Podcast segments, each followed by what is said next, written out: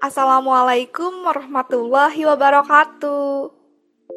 Selamat datang kembali dan selamat mendengarkan di Hello Konselor, episode bimbingan konseling remaja, orang tua menjadi konselor di rumah. Nah, masa remaja itu merupakan masa yang terpenting dalam perkembangan manusia. Karena dalam masa ini, individu mengalami perkembangan fisik, psikis, sosial, maupun perkembangan emosional. Yang mana pada masa remaja ini merupakan masa transisi dari anak-anak menuju dewasa. Karena dalam perubahan masa transisi ini menyebabkan labilnya emosi pada diri remaja yang disebabkan oleh tekanan sosial dalam menghadapi kondisi atau lingkungan baru sehingga ketika mereka atau individu tidak bisa mengendalikan dirinya karena keinginan yang tidak tercapai, maka akan timbul suatu permasalahan. Nah, masalah yang ditimbulkan itu disebut sebagai kenakalan remaja, yang berupa kenakalan biasa hingga mencapai tindakan kriminalitas. Nah, ini perlu untuk diwaspadai oleh para orang tua dan pihak sekolah sebagai wadah pendidik. Nah, dalam permasalahan emosi remaja dapat dicegah dengan bimbingan konseling untuk mengontrol emosi. Nah, bimbingan konseling yang dilakukan memang dilakukan oleh para ahli seperti konselor maupun guru BK di sekolah.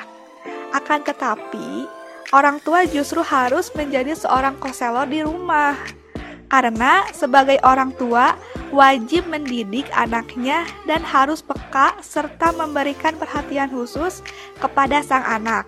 Dan tentunya orang tua juga harus mendampingi anaknya dalam jenjang kondisi apa pun. Nah, jadi bagaimana sih cara orang tua menjadi seorang konselor di rumah? Nah, cara untuk orang tua menjadi seorang konselor di rumah itu dalam menghadapi anak di usia remaja, yang perlu dilakukan adalah dengan suatu pendekatan di mana orang tua itu harus memposisikan dengan sang anak menjadi seorang teman, sehingga nantinya anak tidak akan ragu untuk bercerita kepada kita serta terbuka dengan semua masalah yang dihadapinya maupun hal lainnya. Nah, dan di sinilah peran orang tua sebagai pendorong dan menanamkan kekuatan serta rasa percaya diri untuk terus berjuang dan jangan pantang menyerah. Um, kemudian, menjadi panutan dalam melakukan hal-hal baik yang mana anak nantinya akan melihat kepada orang tuanya ketika orang tuanya tersebut memberikan contoh yang teladan mereka tentu pasti akan bersikap teladan karena pada dasarnya anak itu adalah contoh dari orang tuanya. Nah, kemudian sebagai orang tua juga harus menjadi seorang pengawas. Karena bukan berarti mengekang sang anak, akan tetapi mengawasi sikapnya agar tidak terjerumus kepada tindakan yang merugikan dirinya. Berikan kebebasan kepada sang anak, namun dalam ambang batasan tertentu. Jadi sebagai orang tua itu tidak harus untuk dikek apa sih sebagai orang tua itu ketika mempunyai seorang anak itu jangan terlalu dikekang. Nantinya seorang anak itu akan menunjak kepada orang tuanya. Nah, semisalnya jika anak melakukan hal negatif, jangan berperilaku kasar terhadapnya. Akan tetapi, selesaikan dari akar permasalahannya yang dilakukan dengan cara bersahabat dan lemah lembut sehingga kita tahu apa penyebabnya dan komunikasikan dengan baik yang nantinya anak akan bercerita dengan jujur atas semua hal yang dihadapinya. Nah, ketika menghadapi masa-masa sulit dalam mengambil suatu keputusan, bagi remaja, di sini peran orang tua sangat penting dalam menampinginya.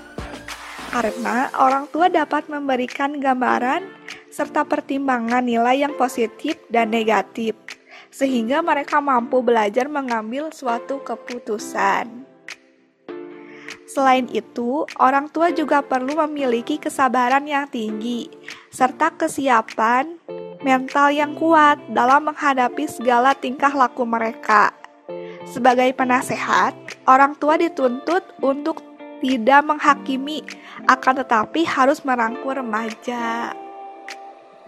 Nah, mereka remaja yang berharga di mata orang tuanya dengan kasih dan sayang dari keluarga mereka juga perlu tahu bahwa mereka itu penting dan berharga. Nah, peran orang tua selanjutnya itu yaitu harus membimbing dan menanamkan bahwa agama itu sangat penting.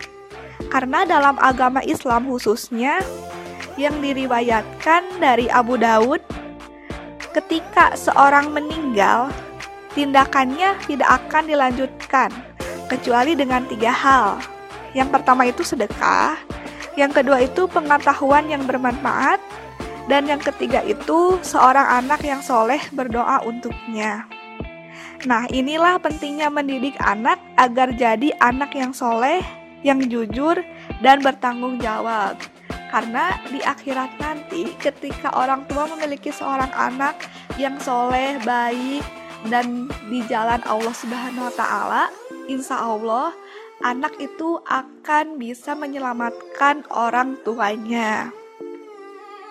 Maka dari itu, orang tua harus memiliki kepekaan terhadap anaknya dan memberikan perhatian khusus kepada mereka sebagai teman cerita. Karena tentu di usia remaja itu di mana ambang-ambang permasalahan dengan faktor-faktor di lingkungan yang akan mempengaruhi dan tentunya ketika usia remaja itu usia mengenal jati dirinya, mencari jati dirinya, sehingga perlu bimbingan khusus oleh orang tua. Semoga bermanfaat dan um, semoga bermanfaat dan tentunya tunggu episode selanjutnya. Wassalamualaikum warahmatullahi wabarakatuh.